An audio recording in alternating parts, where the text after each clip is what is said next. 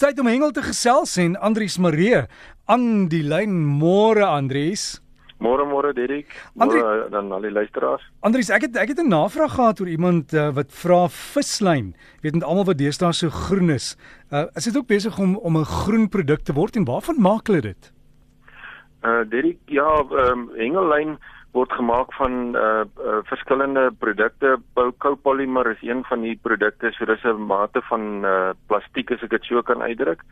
Ehm um, wat 'n beperkte lewensduur het. So hy word afgebreek deur ehm um, enige natuuromstandighede en sonlig. So as jy lank vislyn op jou katrolle het, sal jy naderhand agterkom hulle breek sommer baie maklik want vogtigheid en warm lug uh, en die son ehm um, verweer daai lyn. So die vislyn hou net 'n sekere tyd lank en daarna raak hy so uh, kan ek maar sê brittel soos wat die Engelsman dit uh, mm -hmm. noem en dan breek hy self op.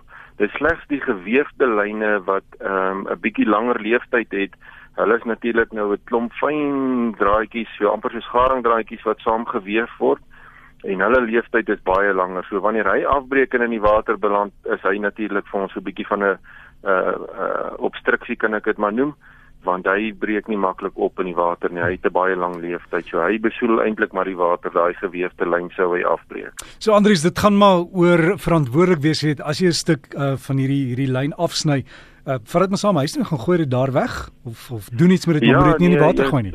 Derek, jy weet die, die groot probleem is baie keer staan die mense sommer so op die wal en hy ruk en pluk aan sy lyn want hy sit nou vas aan 'n klippie en dan breek hy nou daai 20 of 30 of 100 meter lyn af en dan lê daai lang stuk lyne daar in die water en dan nou nou nou kom iemand anders ter dan sit sy lyn weer daarin en dan éventueel is dit 'n groot gevlegte boslyn wat daar in die water lê. So die ouens moet maar versigtig wees as hy afbreek, trek hom maar met die hand uit en uh, vat hom saam huis toe want anderster gaan sit hy in die kiewite in die watervoël se bene en dan vrek hulle ook want hulle kan nie vlieg dan met daai lyn so om hulle bene nie. Baie warm. Andries, ek weet jy moet later 'n vergadering gaan bywoon, maar jy het vir ons hengelnuus. Ja, dit op hierdie stadium was die ehm um, gedeeltes aan die aan die kus nie so lekker gewees vir hengel nie.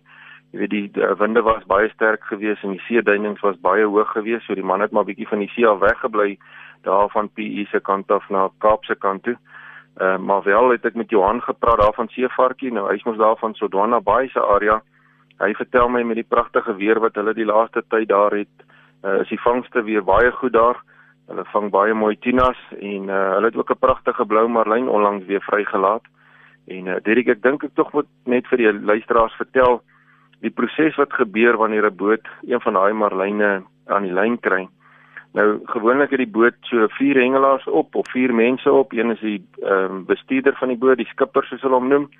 En dan is daar 'n deckhand. Hy is die assistent op die boot en die gids en hy help met die hengelaktiwiteite en dan is daar die twee hengelaars. Nou Sodra daardie uh, vis die kunsaas of die aas optel, dan begin die katrol skreeu en dan moet die hengelaar uh wie se beer dit is of wie se stok dit is, moet dan in die gevegstoel inklim. Nou dis die fighting chair soos hy bekend staan.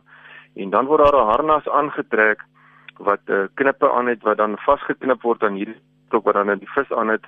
Want omdat daai marlyntjie sterk vegter is, word jy nader aan moeg jou arms en jy kan nie meer die visstok net vashou met jou hande nie.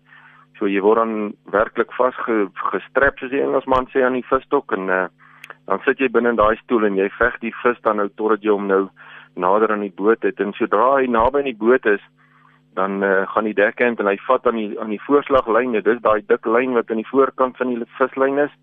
En hy trek dan nou die marlyn nader aan die boot en normaalweg is dit maar 'n groot geskarrel. Daai groot vis is nie 'n klein hondjie wat uh, mak is nie.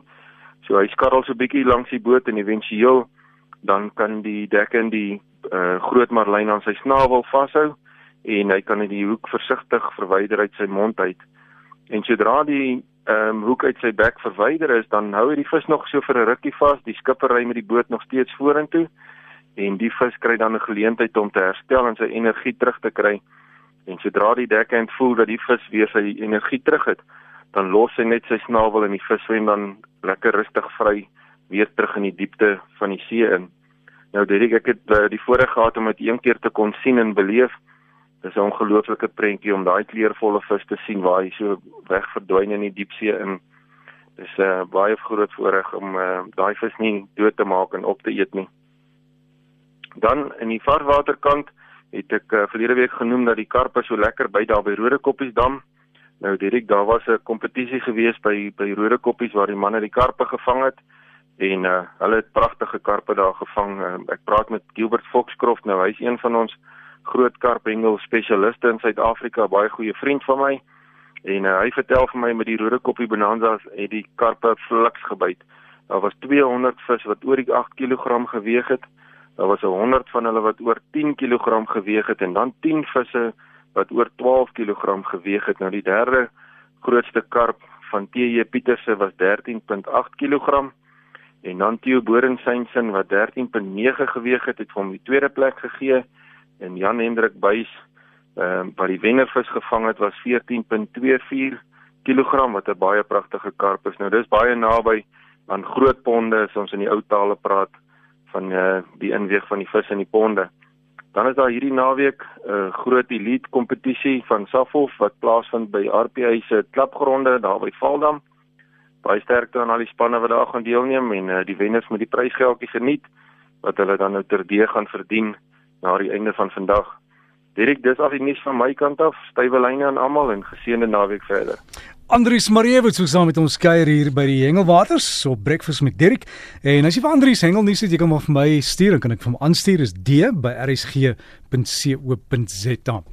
En uh, veilig hengel en hou maar die water skoon. Dankie.